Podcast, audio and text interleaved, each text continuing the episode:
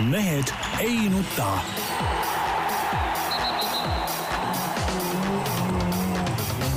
mehed ei nuta.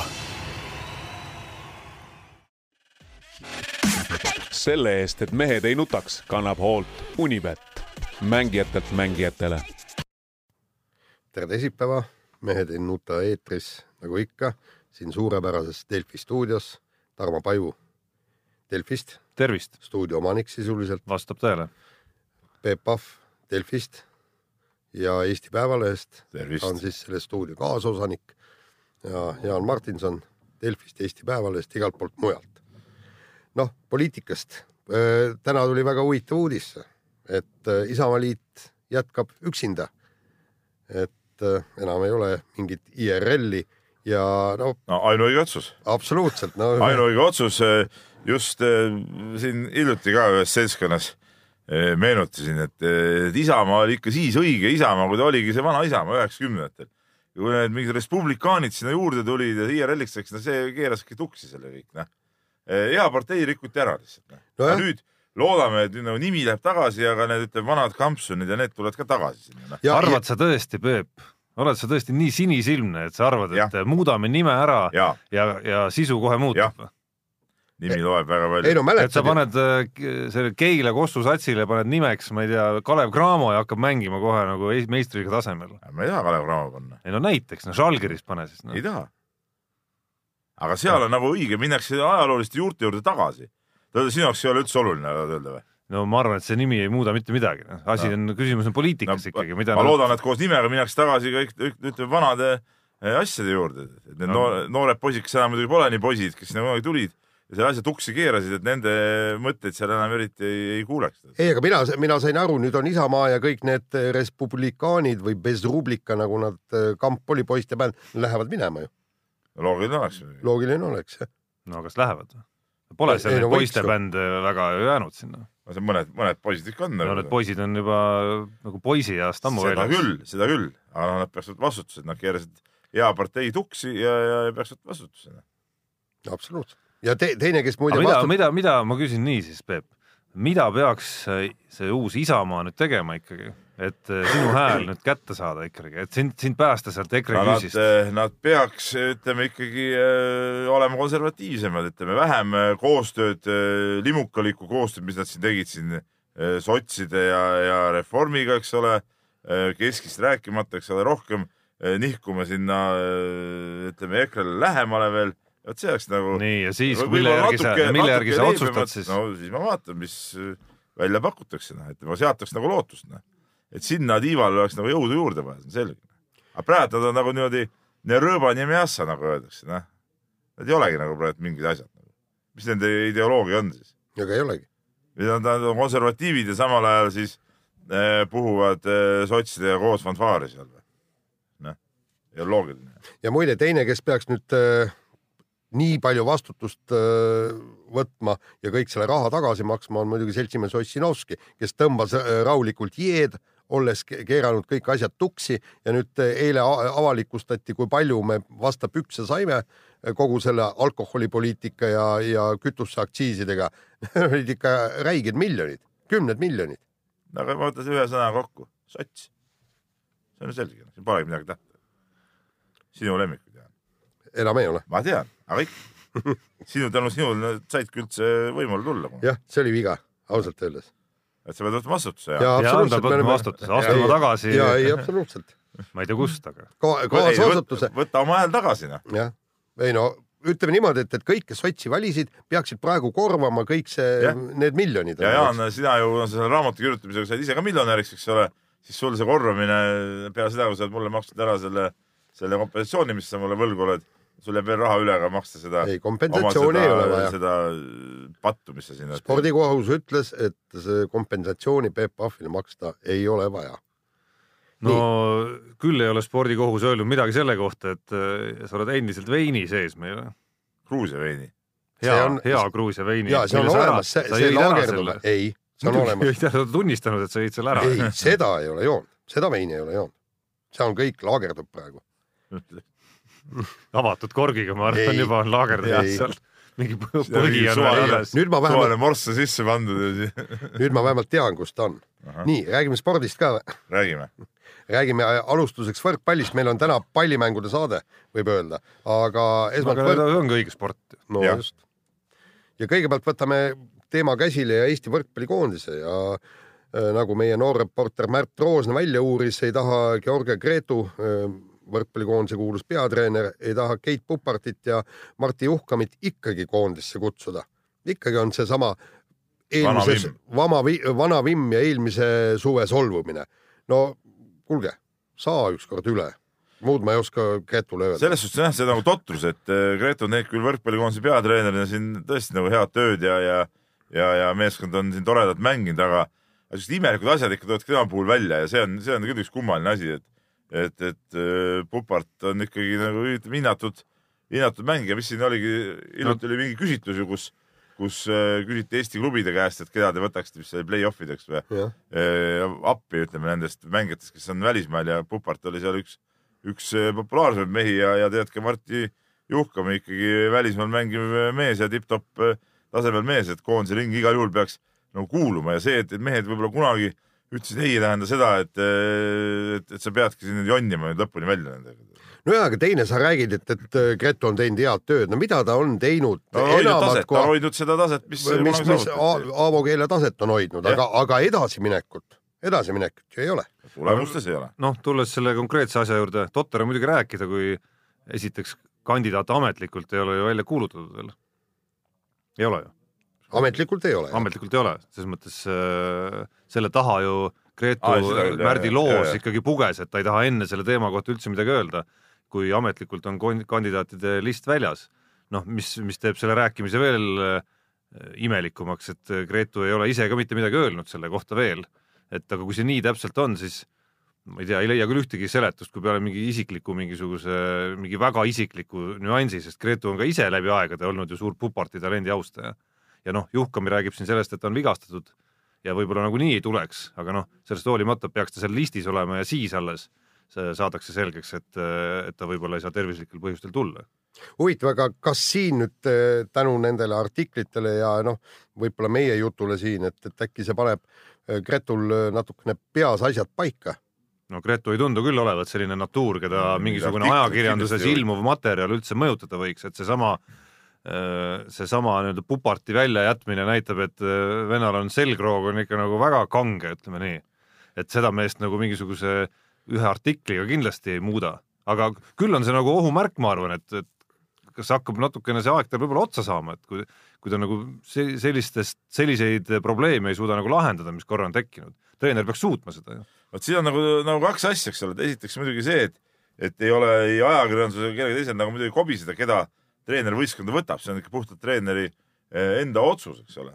et, et kui, kui ta suudaks adekvaatselt selgitada, miks just, ta ei võta näiteks Pupart, miks Pupart ei sobi näiteks tema koondisse, siis ei oleks mul küll nagu ühtegi vastuväidet, kui treener ütles nii, tema nägemus selline, siis selge, eks ole. aga aga kui ta seda tegelikult me saame ju ja kõik me aru, et- saame aru, et käib jonnist, vot see, vot see on nüüd see küsimus. Jaa, aga no me kõik saame- nii, noh, nii vähe või palju me saame ikkagi aru võrkpallist ja sellest, mis ressursid Eesti võrkpallis olemas on, et eh, Pupart, no ei ole ühtegi mängulist põhjust, miks Pupart ei peaks olema Eesti koondises ja kindlasti., ja selle kandidaatide nimekirjas. või, või tead, teate te mõnda? ei, ei, ei, ja absoluutselt ja, mitte. ja meist oluliselt kõvemad asjatundjad, ma arvan, veel vähem leiavad neid põhjusi. jah, ja ma väga loodan, et Pupart ikkagi võetakse koondisse ja väga loodan, et kui ta ei võeta, siis sellest ei teki mingisugust selles mõttes probleemi, et mängulist probleemi, et kui me selle Puparti mittevõtmisega lõikame endal kuskil valusalt näppu, vot see oleks jama, vot see oleks tõsine jama. siinjuures seda ka, et mis see alaliidu roll siin on, et kas alaliit ei võiks, ütleme, kui nad teavad, et siin ei ole nagu küsimus nagu mäng ja mängu tasemes, vaid küsimus on nagu mingis isiklikul pinnal äh, tekkinud äh, konfliktis. kas alaliit ei võiks siin asuda nii-öelda nagu vahendaja või lepitaja rolli, et, et kutsuda, mehed, istume ühe laua taha maha, mehed, davai, võtame, paneme liitrise noti lauale, ajame asjad äh, klaariks, kuule, kes, kes on alaliidu president? no, ja- no, no ja- ja- ja kuidas ta siis- no absoluutselt ja ja tema, tema ajal ja tema ajal oli Siim Kallas ütles ära, mis mees ta on. no just. Ja tema ajal ju just see partei konflikti läkski.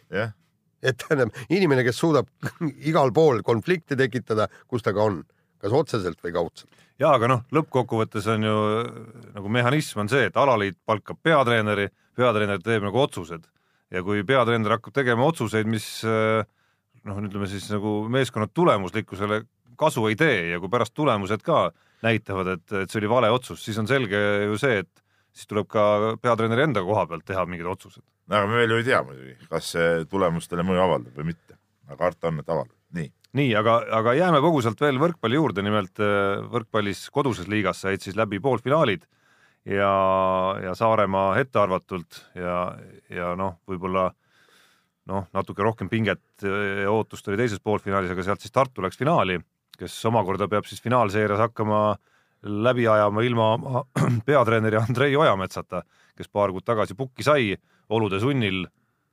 ei see paari kuud polnud midagi. No kuu või palju seal on no, sellest? kuu umbes. no ühesõnaga üsna hiljuti, eks, pukki sai ja oma muud kohustused eh, pidi ka kõik alles jätma, muuhulgas nii Tartu eh, naiskonna treenimine kui ka Eesti naistekoondise treenimine ja just nimelt Eesti naiskonna treenimisega lähebki siis nüüd eh, finaalseeria, meeste finaalseeria konflikti. selles suhtes ma saan Andrei Oemets väga selgelt aru, kui ta, nii nagu ta ütles, et ta on lubanud ju naistekoondise No muidugi. peatreener olla, naised tulevad ju välismaalt koju ja naistekoondis tegelikult on täitsa tõsine asi, meil on täitsa, täitsa normaalne ja tugev koondis, ta ei saagi ju, ju neid ju alt vedada, see on, see on nagu igati, igati loogiline. muidu kõiki neid asju peaks pidama mõtlema eh, klubi juba sel hetkel, kui, kui nad Andrei Oemetsaga kokkuleppe tegid, eks ole, noh. et, et, et, et ma, ma No ei näegi, ma ei näegi aga- nagu siin mingit lahendust. aga see oligi miski, ega see nüüd praegu üllatusena ei tulnud Tartu kindlasti klubile, et see oligi algusest peale teada. ei no jaa, aga ilmselt Tartu, tartlased ja klubi bossid mõtlesid, et, et ikkagi noh, jätab need naised kus see ja teist ja, ja, ja läheb, mängib oma, oma klubiga. klubi maksab ju palka, ega ma ei tea, kui palju ta koondise, koondise eest pappi saab, aga minu meelest ääretult sümpaatne on see, et kõik tema väljaütlemine, et, et naised on esmatähtis, ma olen koondise peatreener ja, ja see on number üks minu jaoks. ja, ja lihtsalt paraku nii on, et ma ei saa klu- klubi juhendada ja, ja siis teised treenerid ei no ja äh, Andrei Oemets on väga põhimõttekindel mees, mina olen teda selles suhtes alati hinnanud, et, et äh, ta ei ole siuke mingi tuulelipp, kes ei no selles mõttes naised, jah. naised olid siiski ju enne. Olidki naiste osas jah. kokkulepped See eh, oli olid ju kõik ammuilma jah. tehtud ja pai, plaanid paika pandud, et et selge, et ta pidigi võtma selle Tartu meeskonna vähemalt üheks kevadeks noh, mingisuguste agadega ja noh, see aga on nüüd siis finaalseerias käes.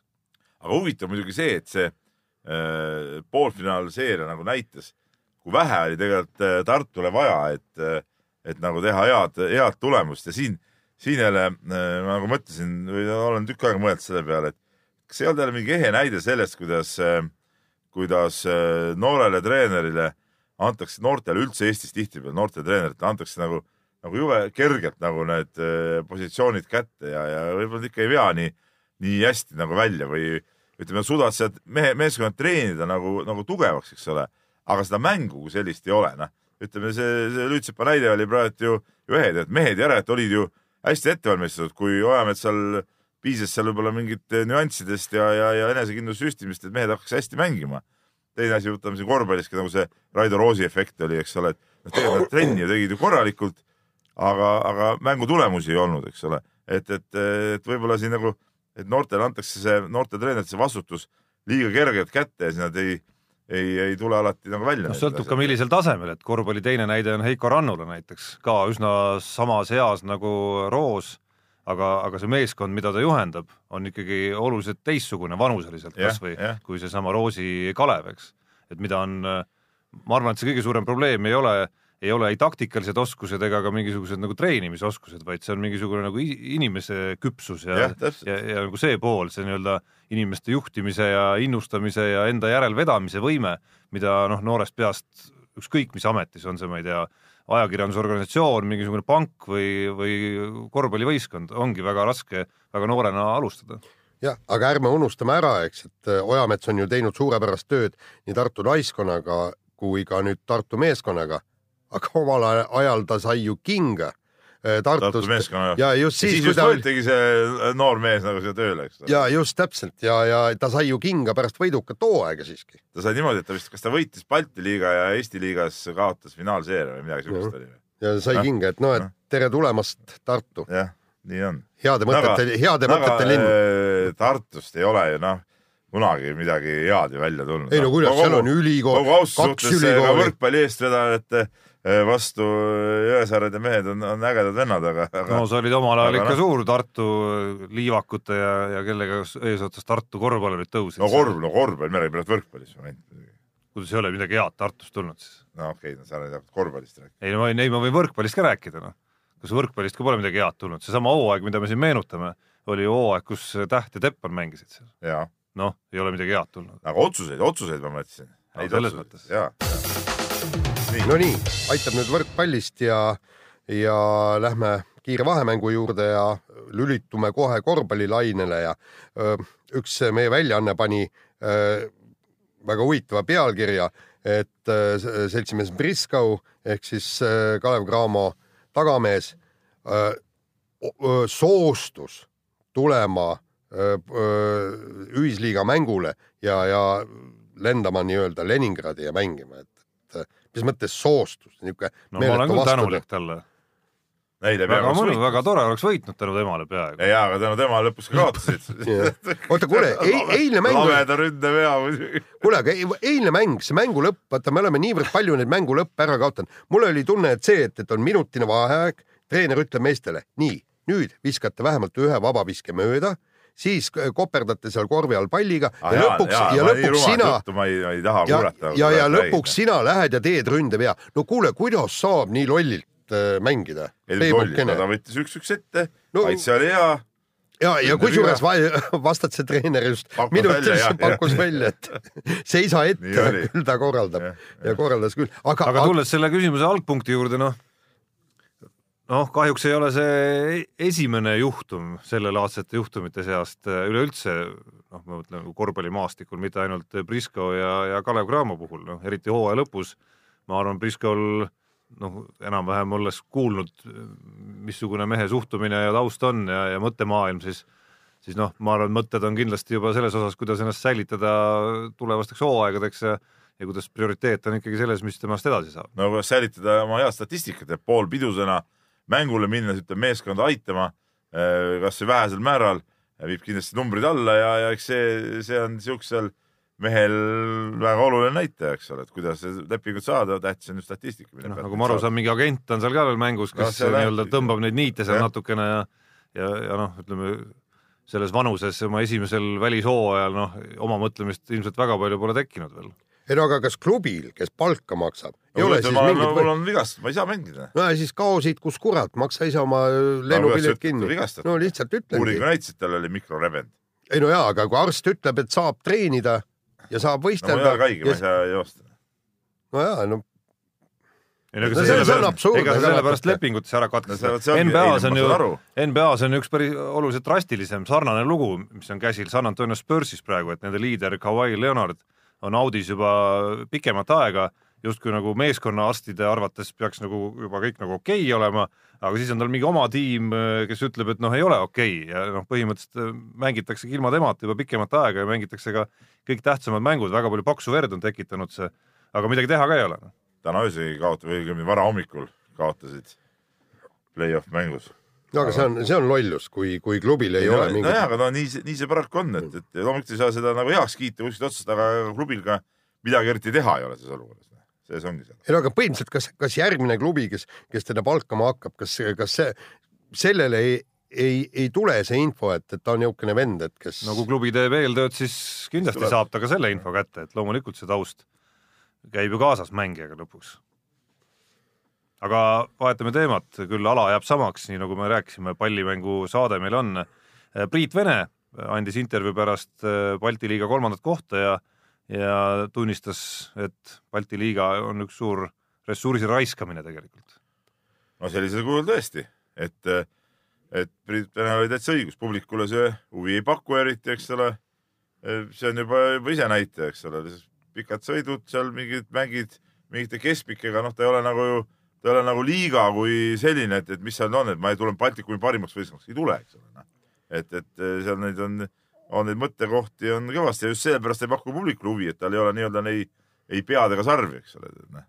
kuule, Peep, räägi, sa oled seal korvpalliliidus äh, uurinud, et, et kuidas neil läheb Eesti-Läti ühisliiga loomisega. ei no seda vist nagu praeguse seisuga vist ei tegeleta eriti, siin on ka mingid Eesti-Soome mingist ühisliigast räägitud teoreetilises plaanis, noh, ma ei tea, kas see, arust ei ole, ei ole nagu nii hea lahendus. kuule, hakata sõitma kuhugi siia, sinna täiesti taha lõppu Põhja-Soome, noh. peaasi, meil ei ole Soome korvpalliga erilist nagu noh, me ei tea nagu Soome korvpallist nagu eriti midagi, Lätis on vähemalt nagu tuttavamad eh, võistkonnad, tuttavad nimed, et oleks võib-olla see huvi oleks eh, ikkagi nagu suurem, ma arvan, kui oleks, kui see olekski nagu liiga, ma saan op-, op-, opositsioonis olevad inimesed ütlevad, et noh, et no vaadake, Balti liigas ka rahvas ei käi ju Eesti ja Läti klubide mänge ongi Soomet ammugi Soomet ammugi. Nad loodavad mingit Soome publikule, kes sealt tuleb ja nii edasi. aga ma ütlen veel kord, et kui Eesti ja Läti oleks nagu üks, üks liiga, siis, siis käiks ka publik neid mänge rohkem vaatamas, kui seda mingit Balti liigat, sest Balti liiga tõesti, noh, ta on nagu, ta saab, mängijad saavad seal jah, häid äh, mänge, paremaid kui siin Eestis ainult pusides, aga tal noh, ei ole nagu mingit sportlikku tähtsust, no selles mõttes. no mis on oluline, et tekiks mingi stabiilsus ka, et otsustatakse ära, et ongi, ma ei tea, Eesti-Läti ja siis ühe süsteemiga mängitaksegi mitte üks hooaeg, vaid mängitakse kolm, neli, viis ja nagu püsivalt ja, ja järjepidevalt ja siis tekib mingisugune stabiilsus ka, mitte no nagu nii Balti nagu liigaga,. nii nagu on see Aadria liiga, kus, kus on ikka nagu, nagu väga kõva ja kus, kus isegi siin Euroliiga koht mängitakse välja, eks ole, noh, nüüd tuli üllatus, eks ole ju Mm -hmm. et, et äh, Serbia klubi jäigi välja nagu Euroliigast. see on nagu äge värk. Oleks Balti liigat niimoodi suudetud nagu säilitada nii äh, vägevana. see oleks kõva asi. nii, aga, aga eks see mängude äh, tase ja, ja ebavõrdsus ja ebahuvitavus on, on probleem kõikides pallimängualades ja Tarmo Kink, meie juba kustuv jalgpallistaar, ütles siis niimoodi, et kellel on vaja mänge Kuressaare ja Pärnuga, kumba poolt see arendab, see on mõttetu huumor. noh, no põhimõtteliselt eks ta nii on ega tal äh, ühest küljest üleolev, aga teisest küljest noh, peab paika skoor, eks kindlasti ole, siis nii ongi. noh. ja Eesti jalgpalli premium-liiga, kui ikkagi on aetud äh, no, kümneliikmeliseks alal, kus äh, erinevalt võrkpallist ja korvpallist peab veel nagu oluliselt rohkem mehi väljakul olema ja ega neid jalgpallureid no nüüd nii palju rohkem kokku meil umbes kakskümmend meest satsis ehk umbes kakssada mängijat. jah, ega meil neid jalgpallureid ja korvpallureid nüüd nii palju rohkem, või tähendab, jalgpallureid nüüd nii palju ka rohkem ei ole kui korvpallureid ja võrkpallureid. Ja välismaal on ka ikka päris korralik nagu ees. et äh, noh, see on nagu natuke paratamatu, mul on tunne, et see on ikkagi natukene ähm, noh, selline nagu telefoniposti püksi ajamine natukene ikkagi, et see noh, pole lihtsalt piisavalt jalgpallurit kümne, kümne liikme jaoks, kaheksa oleks nagu oluliselt mõistlikum siiski. no tegelikult oli kõ- kõige parem siis- oleks muidugi kuus, eks ei ju., no tegelikult jälle ma. ei no, mingis osas on okei okay,, selles mõttes seal on loomulikult äh, head plussid, esiteks noorte töö käib üle Eesti ikkagi, seal on regionaalsuse Ja printsiip loomulikult need asjad on need, mis, mis toetavad seda ja noh, annavad mingisuguse arengu ka teisest küljest kätte. aga, aga noh, teisalt me näeme ikkagi, kuidas äh, selle kümneliikmelise puhul äh, selline nagu üleminekusüsteem on üsna rabe ses mõttes, et neid esiliiga või esiliigast nagu üles tahtjaid nagu noh, tegelikult ju ei jätku enam naljalt. siin kas või eelmise hooaja vahel Maardu ju, ju ei just, oli siin juba nagu raskusi nagu nii-öelda selle kümneliikmelise liiga komplekteerimisega. et äh, ta käib nagu üle jõu ikkagi ja noh, teine pool on siis sama, et tippklubide ja tippmängijate noh, motivatsioon mängida nagu tõesti seitse-null mänge ja need ei ole siuksed seitse-null mängud, nagu mängis Brasiilia Saksamaaga kunagi või seitse-üks oli see vist, eks. Et äh, vaid need on noh, need ongi sellised, kus tasemevahe, klassivahe ongi selline. nojah, aga võib-olla äh, tuleb lihtsalt need mingid aastad ära kannatada, kuniks need klubid äh, kasvavad ja saavad tugevaks ja, ja, ja tuleb neil ka omi mängijaid ja häid mängijaid peale. et, et, et ega selge see, et kohe ei ole neid võtta, neid kümmet äh, satsitäit äh, häid mängida, ma võib-olla ei, ole kindel, et neid nii, palju võib-olla asi tuleb. paraneb mingisuguse kolme-nelja aastaga. Peep, aga seesama Siis Kuressaare on- siis on on, on juba mänginud seda. ju Eesti meistriliigas ja ta on klubi aastaid ja olnud. Kuressaare põhialused olid ju, ju kogu aeg on valed olnud, ehk siis nad on ju tegelikult olnud siin Tallinnas, käinud seal Kuressaares mängimas, ma ei tea, kas praegu peaks olema teistmoodi minu arust, nad ongi seal ikka seal kohapeal vist. et siis oleks nagu asjal nagu mingi point üldse, hakkame sellest kõigepealt pihta. et, et. ja aga see on ka üks näide sellest, kuidas tegelikult nagu piisavalt mehi ei ole ikkagi, et see on nagu jõuga tehtud regionaalsus. noh.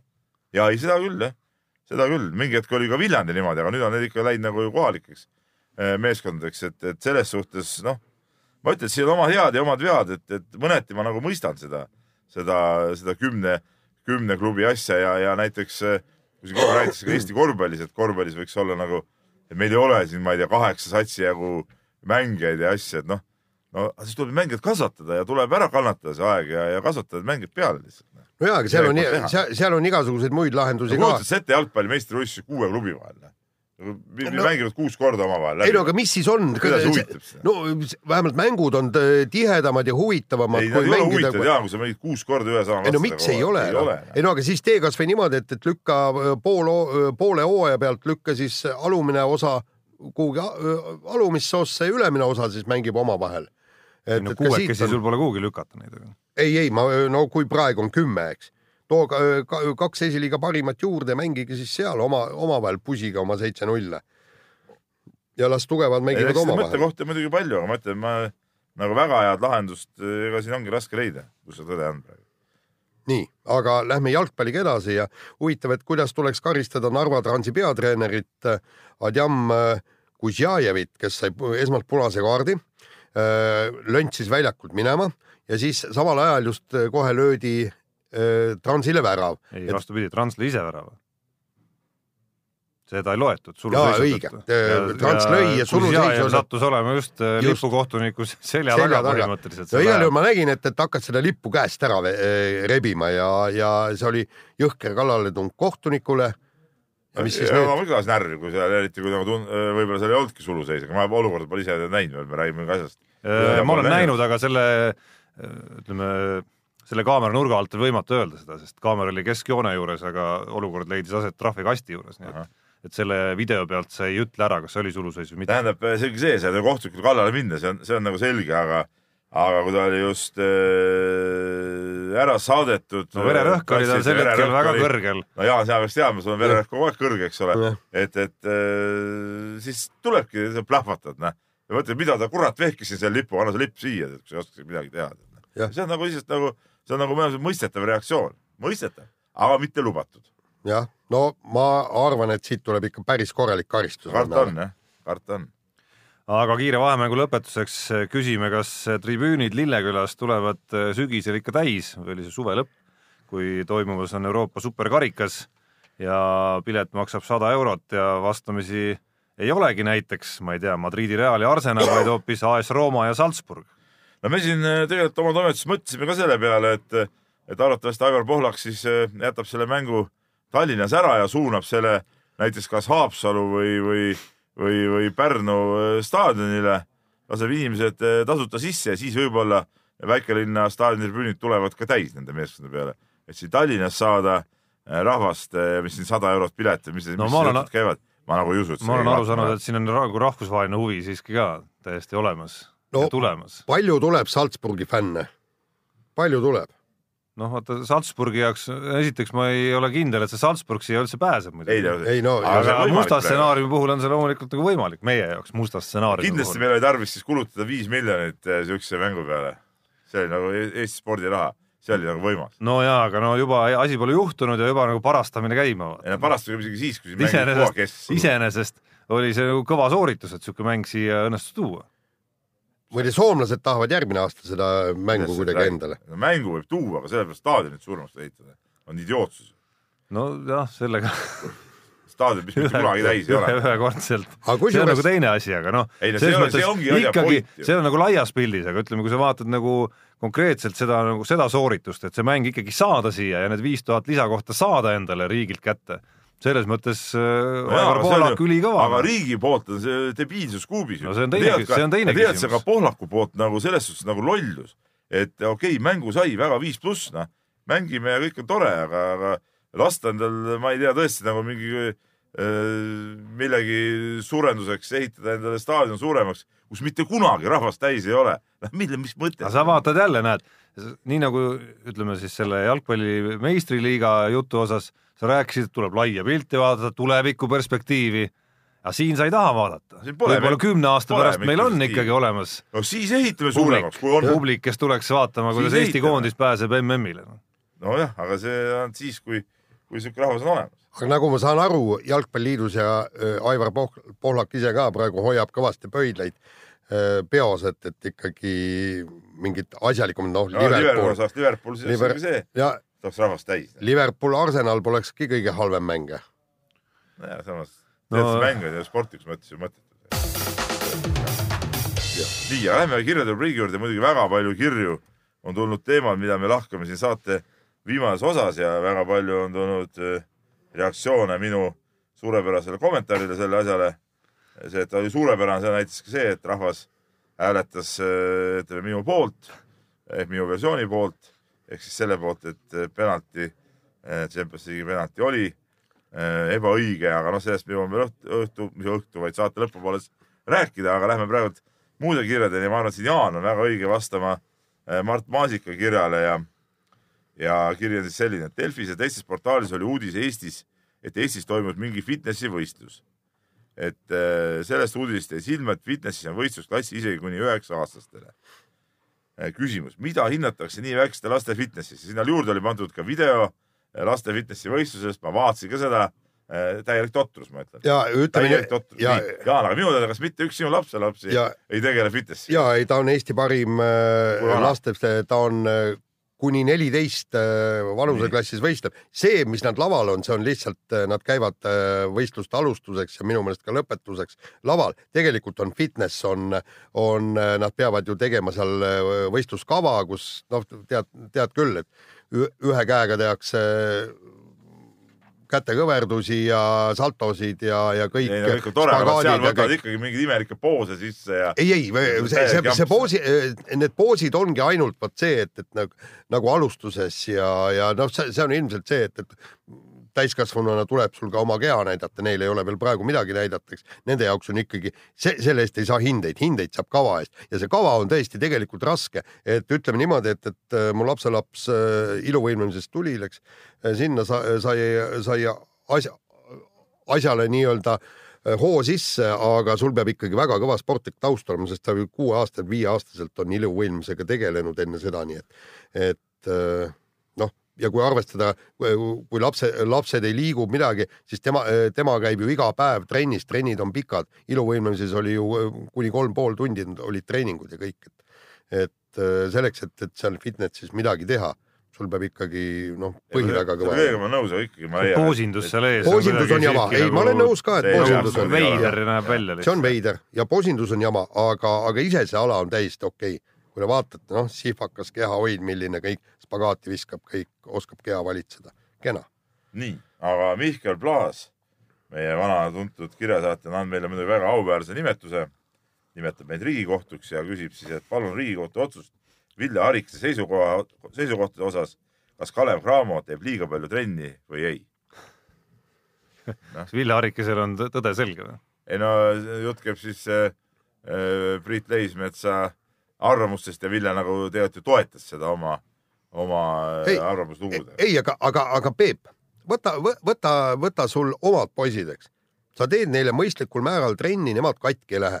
nii kui sa suurendaksid treeningkoormust, nii hakkaksid ka nemad katki minema. treener peab vaatama ja tegema trenni just täpselt nii palju, kui palju need mehed on võimelised välja kannatama see on väga lihtne äh, asi.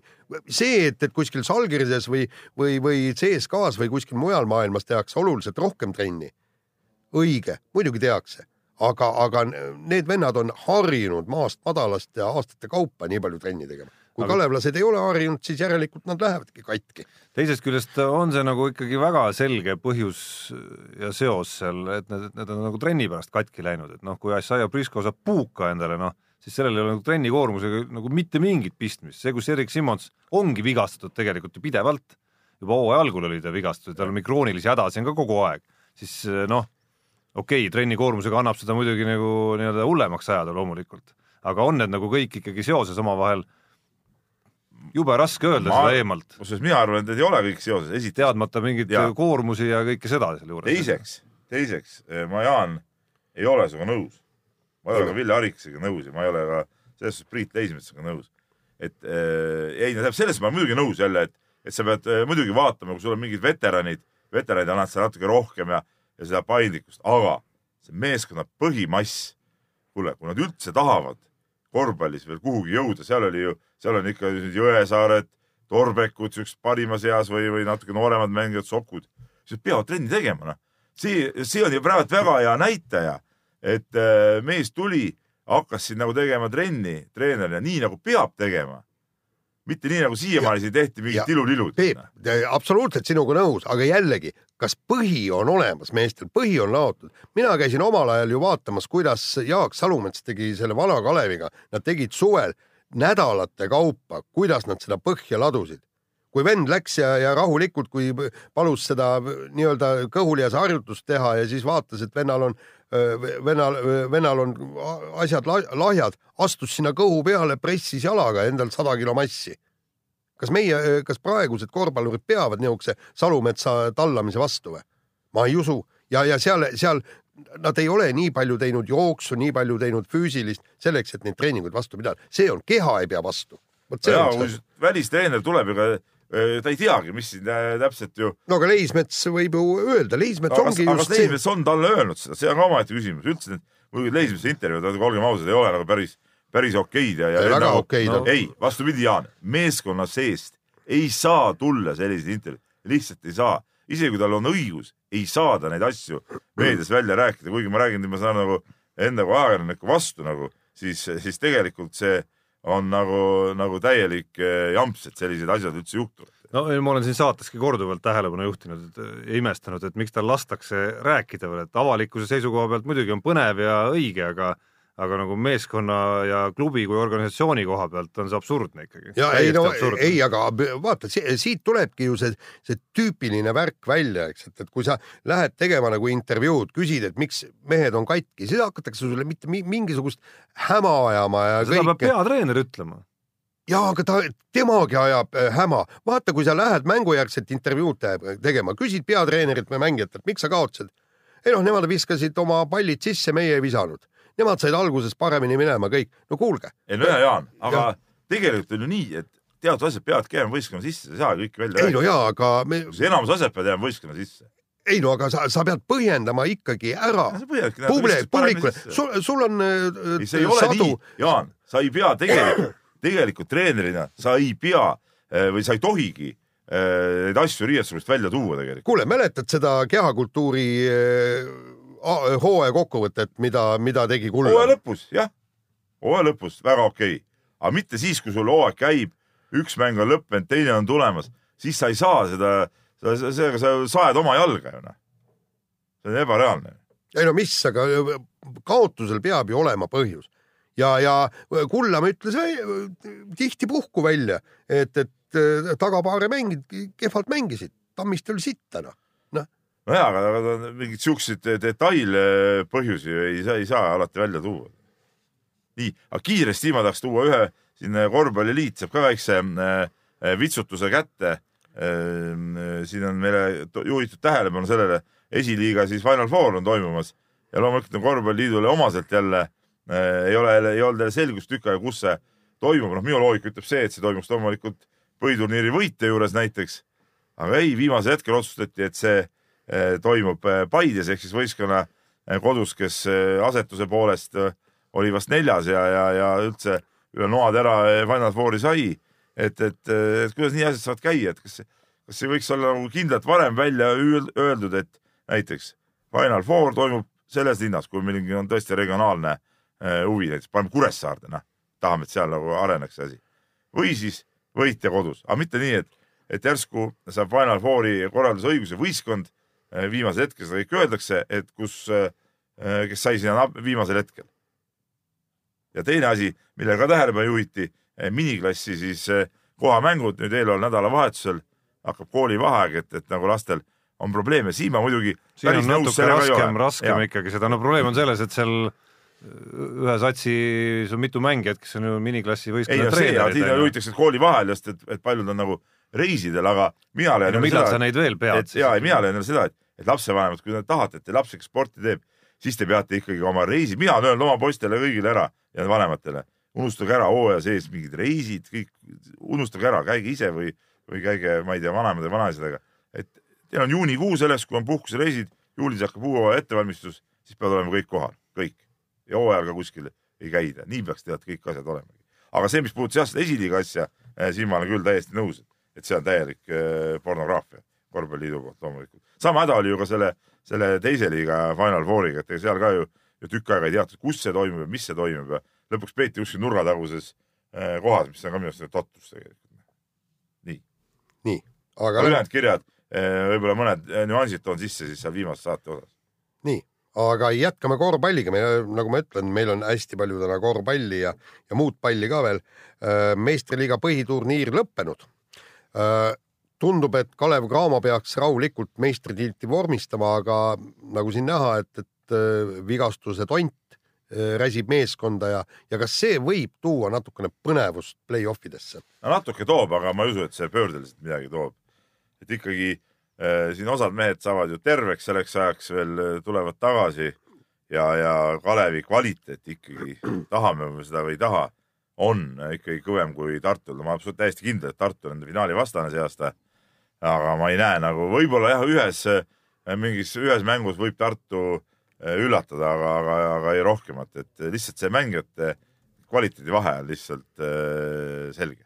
noh, seda me oleme näinud nüüd äh, isegi pisut ootamatul moel siin viimasel no ütleme nädalal, poolteisel, kus Kalev olematu satsiga peaaegu noh, mängis ikkagi suhteliselt okei mängud CSKA-ga ja, ja mängis ka tegelikult eile täiesti korraliku Jah. mängu, kuigi ka seal olid ju puudu nii Simmons kui ka, kui ka Erik Keedus. et äh, ühest küljest on, teisest küljest on Tartu nüüd võitnud korra sel hooajal juba ja olukorras, kus Kalevil oli nii-öelda koosseisu poole pealt asjad nagu paremad, et ma ei tea, ma oleks nagu optimistlikum selles suhtes, et, et sealt võib, võiks nagu seeriat rohkem tulla. Mis, miskipärast, kuigi, kuigi hämmastavalt, kuigi hämmastavalt hästi on Kalev hakkama saanud seni oma, oma nii-öelda koosseisu probleemidest hoolimata nendest VTB mängudes vähemalt. aga ma ütlen nii, et see on äh, Kairi see hea töö ikkagi, tema, tema see töö äh, vili ja see mängu nägemus, see hakkab ikkagi nagu vilja kandma, mida ja, aga võib-olla isegi hooaja lõpupoole seda rohkem ta vilja kannab, isegi ilma nende mõne meheta. jah, aga noh, teisest küljest me oleme näinud ka Tartu poolt mingisuguseid nagu välgatusi ja, Ja. ja, ja positiivseid märke ja ikkagi. absoluutselt ja on, on väga hästi mängitud, aga paraku lihtsalt äh, see meeskonna äh, kvaliteet ei ole veel selline, noh, et, et vastu hakata. ei, vastu tähendab hakata, ma ütlen, ühe võidu võivad ka saada, aga seerias, neljavõidulises seerias, ma ei usu, et seal väga põnevaks läheb. ma ei, ma ei tea, ma ei näe nagu ühtegi seda argumenti. väga tore oleks muidugi, kui ma eksin. väga lahe oleks, kui tuleks, ma ei tea, seitsmemänguline seeria ja nii edasi. aga ma ei näe nagu neid argumente, mille pealt Tartu peaks, peaks Kalevile niimoodi vastu saama. noh, üks, mis võiks Tartut aidata, on, ongi mingisugune nagu koosseisu pikkus, aga noh, nagu me nägime selles viimases Balti liiga mängus, siis seda mängiti ikkagi nagu tähtsal hetkel mängiti siiski nagu seitsmekesi, et et ilmselgelt Priit Vene nägi, et et noh, sealt edasi nüüd seitsmendast mehest edasi, noh, nad ei ole päris piisaval tasemel ikkagi selle mängu jaoks. seal kusjuures pole vahet, kes see seitsmes mees seal üks nendest kolmest näiteks on, eks ole, ei no see koosseisu pikkus, ega siis see kvaliteet ju sellest paremaks ei lähe ju. et ega siis Kalevi näiteks, kui sa võtad sealt eh, eh, Tartu seitsmes ja kaheksas mees ja Kalevi seitsmes-kaheksas mees, ütleme, kui arvestame, et Sooda näiteks on mingi üheksas-kümnes number, siis seitsmenda-kaheksanda mehe pealt see kvaliteedi vahe on ju tegelikult läheb veel suuremaks noh. no see mu mõte oligi, et Tartu ise ei ole ka nüüd nagu noh, nii-öelda nagu väga pikk võistkond nagu pingi pikkuse No mõttes just, et see on see, miks, miks võib-olla need Kalevi vigastused nii palju nüüd ei aita Tartut vähemalt esimese hooga, aga noh, mine sa tea. Kindlasti see Tartu šansse nagu parandab mingil määral no ikkagi no.. mingil määral muidugi parandab ja noh, loodame, et, et läheb põnevaks, aga, aga eriti ei usu sellesse.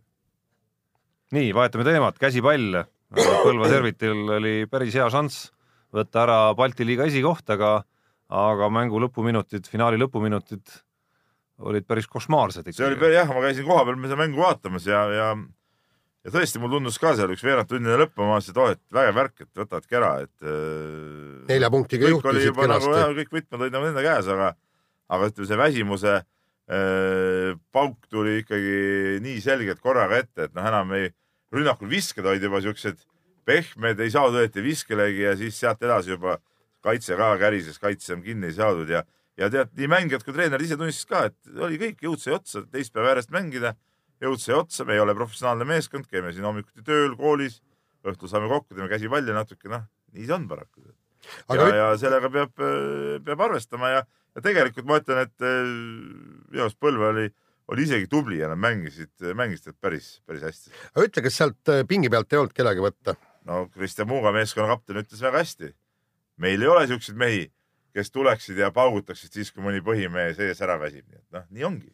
pingi pealt tuleb küll, nii nagu Tarmogi ütleb, jah, seal on nooremaid mehi, seal on igast vendi, kes võivad tulla vahetusse, prooviti ka mingeid vahetuse asju, aga nende tase ei ole päris see, mis põhimeestel, midagi pole parata.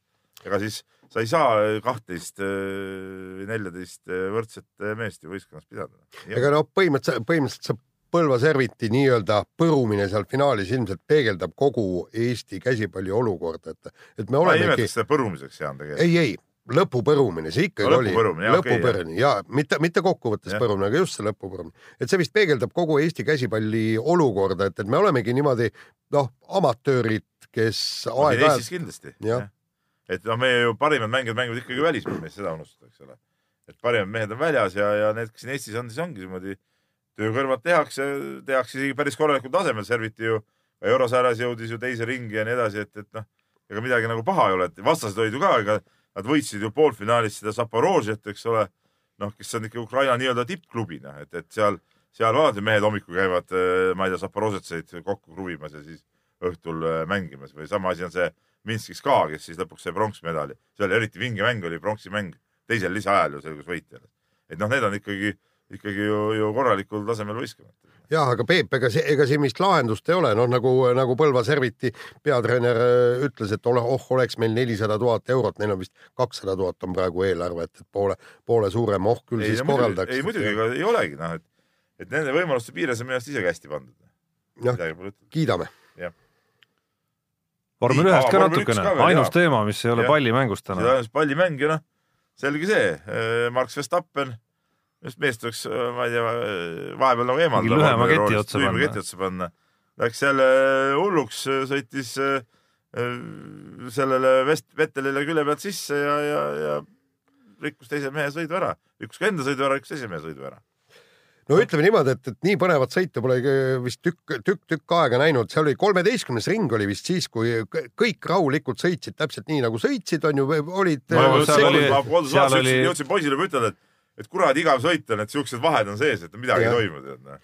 no ma jõudsin juba üsna irooniline olla, umbes samal hetkel, et noh, et nii kogu põnevus ongi siis, et lähme nüüd nagu pidime poodi minema lapsega. et no lähme minema, et mis siin aega raisata. just, aga, aga, aga siis hakkas järsku rehvivahetus juhtuma ja pärast seda, kui turvaauto rajale tuli, no siis läks täielikuks äh, äh, andmiseks, aga, aga, aga tõesti, no vaata, siin si,, siin tekib küsimus, eks kogu asja point oli see, Red Bull jõudis äh, kenasti boksi minna enne turvaautot äh,. asi ei olnud ainult jõudmises, asi oli ikkagi, et nende tiimis oli üks mees, vähemalt üks, kes kes suutis selle reageerimise teha, mida, milleks oli tõesti loetud sekundid ainult. just, ja seal oli see mees olemas, kes, kes reageeris niimoodi ja kõikide ülejäänud tiimide peal ei olnud sellist meest. nii. see on nagu esimene uskumatu asi siis. ja, ja, ja, ja kusjuures, kuidas saab olla nii, et Mercedese tiimil, kui nad räägivad, et Lewis Hamilton peaks võitma maailmameistritiitli, Lewis Hamilton oli ka seal taga, kes oleks kenasti jõudnud rehve vahetama, kaks esimest meest ei oleks jõudnud.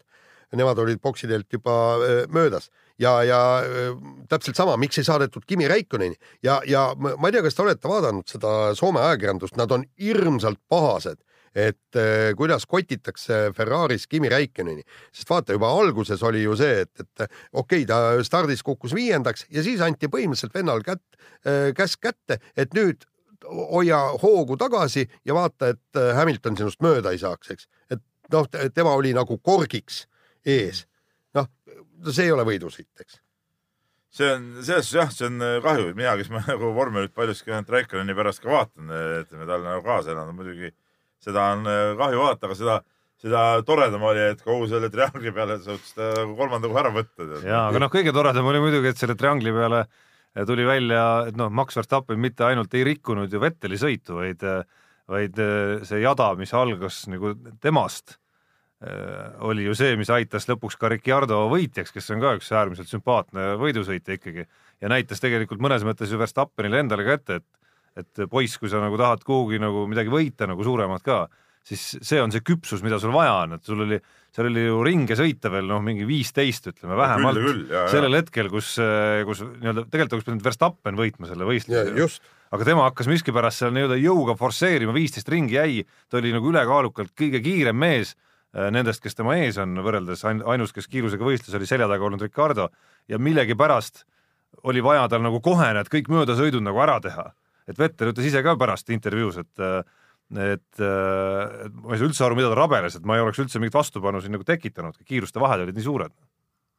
ja, ja, ja samas jällegi see ei ole, see on ju tema puhul tavaline noh. ja, ja aga mis kõige hullem on see, et, et, et, et asjatundjad nüüd räägivad, et, et ja neil on tunne, et see äh, mees ei võtagi, Verstappen ei võtagi aru pähe.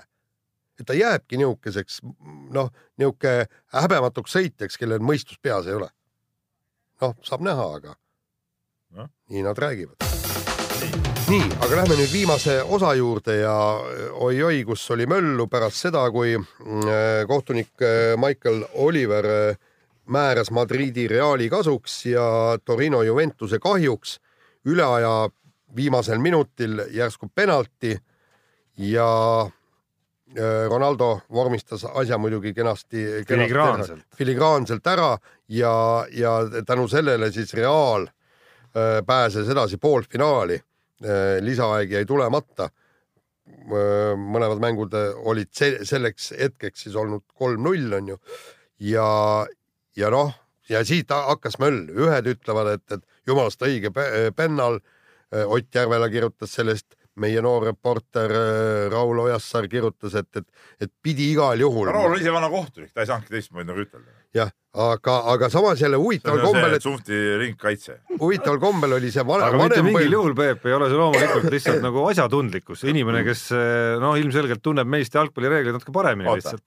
Jaan hakkas just ütlema. Nii. jah, et mikspärast vanad mehed vaatavad seda asja nagu natuke te teistmoodi. kõik meie ma ei ole vanemad kindel, inimesed, kusjuures, et see nagu vanuses Ei, kinni meie toimetuses olid Teie toimetuses küll Noh.. Teie toimetuses on nagu see häda lihtsalt, et äh, oleks see toimunud teise värava all, siis Peep ei oleks kindlasti mitte sellist kommentaari kirjutanud. kuidas nii? ma olen täiesti kindel selles, kahjuks ma ei saa tõestada seda, aga ma olen täiesti kindel selles, et kui see oleks Buffoni värava asemel olnud teisel pool, siis, siis oleks kõik tegelikult väga okei olnud. ei no see praegu räägib pillu tühja ei no sõnu. Pill on loomulikult tüh- tühja sõnu, aga noh, ma olen siiski täiesti kindel, et see on niimoodi. vaatasin mina näiteks äh,, äh, ma kanali suhtes eksin, oli see mingi ESPN-i, ühesõnaga mingi Briti tüübid, jalgpalliekspertide stuudiot näiteks pärast seda mängu.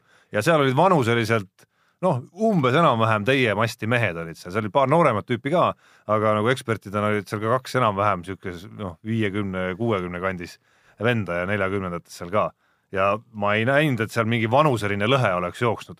kõik vennad, ma olen suhteliselt kindel, et suuremad eksperdid kui meie siin jalgpalli osas, kuna nad lihtsalt jälgivad seda, ilmselt on ka osad mänginud tipptasemel seal, ütlesid, et täiesti õige penalti. et mis vanuses ei ole üldse küsimus. ja aga, aga vot siit tekibki küsimus, et ma, punkt üks, mille eest see penalti öö, vea määrati? eest, millise vea selle vea eest, kus mängija tuli selja tagant, lükkas ja hüppas selga teisele. vot siin tekibki küsimus, vot ma vaatasin videot paremalt-vasakult, näitasin ka meie, meie toimetuses. kas see oli tõuge? tal oli, kas ta tõesti tõukas tal nii tugevalt? ees ja ta hüppas selga, see oli puhas viga, igas igal igal igal platsi ruutmeetril, äh, igal platsi ruutmeetril oli see, oleks olnud vaata, sa viga. tõid selle teise värava, seal poleks siukest tekkinudki, ega Itaalia klubi mehised mehed ei oleks äh, siukse kerge riivaka peale üldse pikali visanud ennast. no see näe- oleks, eks ei ole no. ma räägingi, Et seal ei oleks sellist asja tekkinud see-. see, näitaski seda ära, et see oli puhas näitamine. Tõ- tõuge ei olnud selle nii-öelda tasakaalukaotuse kukkumise vääriline, hakkab juba sealt pihta, eks. no see- see on- fakt see on on see, et sest ma, kui fakt ma on, see, et tagant tuldi, hüpati selga, nii ei saa kaitses mängida. ei, ta, ta ei hüpanud Hüppas just selga, tal oli, noh. Ta lõi ümber mehe jalaga palli. kehakontakt oli olemas, ta ei saanud pallile pihta käia. seepärast saanudki, et see kukkus ju sama sinna peale ennast. Nagu. tead, Tarmo, ma olen täiesti kindel, et kui sa koridoris jalutad või, või kasvõi jooksed jo,, joostes ma ei saa lihtsalt sind kätte ja ma sama õrnalt sulle niimoodi külge panen, siis vaevalt, et sa hakkad seal kohe kukkuma ninali. No ma olen suhteliselt kindel, ma aga miks siis pool maailma vähemalt arvab, et see ei olnud õige ma olen suhteliselt kindel, et äh, kui sa ikkagi tuled sellise lennuga sealt nagu hüppega, asi ei olnud ju ainult selles nagu esimeses kontaktis, vaid ikkagi selles, et sa reaalselt tulid hüppega ja üritasid nagu jalaga sealt külje tagant udida palli, mida sul selja tagant, noh, tegelikult see ei olegi võimalik mängida seda palli niimoodi. miks ei ole? no ei ole tegelikult. seesama nagu spagaat. ei no see on, seesama näide ju tõestaski, et sul ei ole nii võimalik Kuule, läbi mehe läbi mulle. mehe sa ei saa palli mängida ütle. mulle, miks siis pool maailma arvab, et see ei olnud õige penalti? no sina, ma tean, miks sa nii arvad, sest Ei, sa oled ju ei, sa oled ütle. ju tohutu Buffooni ei, aga austaja. ütle, miks pool maailma sedasi arvab? ma arvan, et see on vähem kui pool. arvad, mille pealt sa arvad? no mille, võta see kasvõi meie kallupki sealt alt No no,, see- rohkem kui pool no no,. absoluutselt, see, see gallup on selles mõttes muidugi väga suur tõde. ikka on tõde, seal oli, valim oli päris suur tegelikult. see on väga suur tõde selles mõttes, et, et see gallup oli, ütleme, sai sinu loo all umbes noh, ma ei mäleta peast umbes, aga noh, umbes kakskümmend tuhat vaatamist ja siis Rauli loo all umbes võib-olla viis tuhat vaatamist, ma võin eksida numbrites praegu väga sihuke konkreetselt puutub. No, ei no inimene loeb inimene loeb, Peebu, kui ta ei ole minuga nõus, ta paneb ju teise selle arvamuse. ja aga ausalt öeldes mind väga ei huvita, mida arvab see nii-öelda mingisugune, mind tegelikult huvitab, mida eksperdid arvavad. no meie siin, meie siin, Barcelona. ei ära mulle Kataloonia ajalehti too. Barcelona ajalehte eksperdid arvasid mind huvitab, mida neutraalsed eksperdid arvavad ja sealt ma miskipärast saan üheksakümne protsendi ulatuses seda, et see oli õige penalti. jaa, aga noh, tegelikult ikkagi äh, asja point on tead see, et kohtunik ei tohi nagu mängu äh, saatust otsustada Jaa,, see on nagu põhiline. sellisel hetkel lihtsalt asja point isegi kui seal oli kerge viga, siis sellisel hetkel seda lihtsalt ei fikseerita. mina seda ei poolda, seda põhimõtet, ma tean, ma olen kuulnud ka seda, mäletad, mul tuleb meelde üks Euroliiga mäng, see oli vist kas Žalgiris Panathinaikos näiteks või? me ise veel rääkisime sinuga sellest, kuidas Žalgirisel tehti otsustaval rünnakul, jäeti vist Panathinaikosel kaks viga ühel rünnakul, ühel läbimurde ajal põhimõtteliselt võtmata. ilmselget viga ja Žalgiris kaotas tänu sellele mängu ja ma ei mäleta, et sa siis oleksid nagu väga selle nagu ma olen- poolt raiunud, et, et lõpurünnakul ei tohigi võtta siukseid üldjuhul ei võeta jah, siukseid kergeid asju ei võeta ära, see oli Need kerge ei olnud kerged, need see olid oli kerge täiesti täiesti selged vead olid ikkagi. ei see, ma veel kord ütlen, see kontakt ei olnud nii tugev, et äh, mängija peaks selle tagajärjel ninali kukkuma. kõik see ajavad on oma see. joru. aga siin, ja neid kirju on muuseas tulnud ka sel teemal palju ja siin ma võin siin lihtsalt, siin üks neutraalne jalgpallihuviline Tartust küsib nagu minu käest, ma, ma lihtsalt vastan talle, et kõik oleks korrektne. küsimus, ka siis nüüd Peep Pahv vihkab videokohtunikke Pahvile, kes alati väidab, et videokohtunik on saatanast, kohtuniku otsus on ülim ja nii on. siis minu küsimus on, kas ta jääb oma arvamuse juurde ka pärast seda?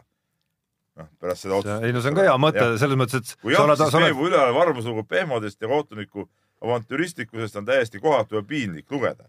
sulgudes tema arvamus, muidugi sinu arvamus ja vale arv- arvamus seejuures.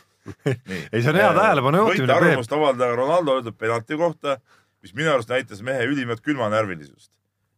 ma, ma vastasin kohe ära, jah, Ronaldo penalt oli külmanärviline, selles suhtes oli, oli päris, päris kõva löök, siin pole, pole midagi öelda, aga, aga mis puudutab jah, ei mingit videokohtunikke. kohtunik eksis, paha lugu, aga nii on, aga mul on õigus ka arvata seda, et kohtunik eksis ja nii ongi. väga lihtne. mis sa tahtsid öelda? ei, tahtsin seda öelda, et et sa oled ju, kui, kui see oli eksimus, mis sa siis erutud sellest nii väga, kuigi minu arust see ei olnud eksimus, et Ei, see mul käib ju et see käib Ei, ju see käibki ei mängu juurde. käibki mängu juurde, noh. see on hea isegi, kui juhtub ei, kas ärme, ärme, ärme annuleeri neid, vaata. ei no annule-, annuleerida me ei saagi ju. ei, ärme nagu tee asja paremaks jalgpallis, et, Aa, ei, et muidugi. eksimusi vähem oleks. selles suhtes ega ei midagi teha ei ei ole. ega, ega mis sa mõtled, et ma nagu avaldan arvamust sellepärast, et, et kohtunikud tulevad kokku ja muudavad mängu tulemuse ära või? Lihtsalt nii ongi, mina võin öelda, näe, kuradi mees on tont, eks ole, tead noh, aga mis siis on siis, minu arvamus on selline. keegi arvab teistpidi, näiteks Raul kirjutas teistpidi, mingit küsimust polnud. võrdselt olid äh, kommentaarid avaldatud. ei olnud võrdselt, üks seisis Delfi avalehel päris mitu tundi, teine ei jõudnud teine sinna ei jõudnud. mina teda sinna ei pannud. no ma võin, ma usun, et kui mingit juurdlust läbi viia, et kumb, kuidas see sinna jõudis, siis mine sa tea, võib-olla siiski mina pakkusin, näe No. ma kirjutasin siukse asja. hakkab tulema. tagasi ei pea pakkuma või? Raul oleks võinud ka ju pakkuda. jah, keegi ei keelanud minu pakkuma. arust see ei ole nagu päris tavapärane praktika, et minu arust see, kes spordis on nagu valvetoimetaja, see rohkem pakub. ei, aga Tar- Ei, see-, Tarmo jälle, Tarmo ju võta töökorraldus., ma, ma veel kord ütlen, Peep, Peebu artikli inimene loeb läbi ja mõtleb, mida see oinas kirjutab, loomulikult oli õige penalti ja, ja, ja paneb siis sinna kallupisse, et, et penalti oli õige, aga miskipärast nii ei olnud ju. ja vot, vot õige jutt, vot Ja siin on lõpuks- õiged asjad ja, ja- ja, ja ja panen, et see. ja sealt nad hakkasidki lõpuks aru saama mm. -hmm. et see penalti oli vale. jah, jube kahju, et seda ei ole ikkagi tõlgitud nüüd nagu kuskile siin nagu üle Rahvusvahelisse, üle meediasse. maailmselt äh, ei ole tõlgitud ikkagi ja jagatud seda teadmist ka igasugu noh, ja ka eksperdid ikkagi üle maailma nagu ei ole nagu jõudnud selle tõeni. ega see eksperti Need, jutt kes alati nagu ei ole ka, need, kes nagu päriselt jalgpalli tunnevad, meie siin oleme ikkagi noh, tegelikult ikkagi nagu üsna tondid selles osas, olgem ausad. no küll, aga ma ikkagi, ma võin öelda, et mul on ikka väga suur staar jalgpalli vaatamises, ma vaatasin ikkagi juba äh, seitsmekümnendate ütleme teisest poolest ja on veel kauem. ei no eks me kõik oleme vaadanud mina- sellest hetkest alates, kui noh, nii-öelda noh, pilk kandis, ja ka süvendatud ikka Futbolne Avazreeni oli ikkagi iga nädalavahetuse kohustuslik programm oma. aga no lõpetuseks, Peep Jah., ma kordan siiski seda ühte lauset veel, mis ma alguses ütlesin. kui see oleks toimunud teise väraval, sa ei oleks sõna võtnud.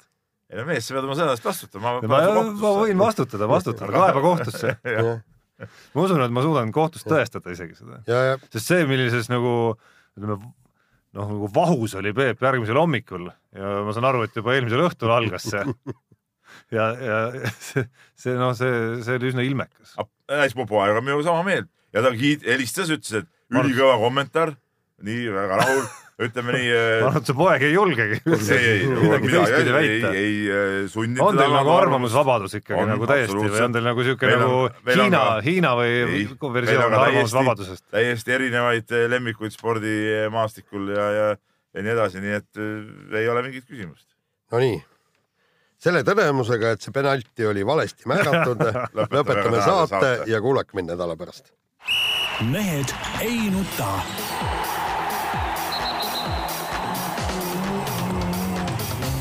Mehed ei nuta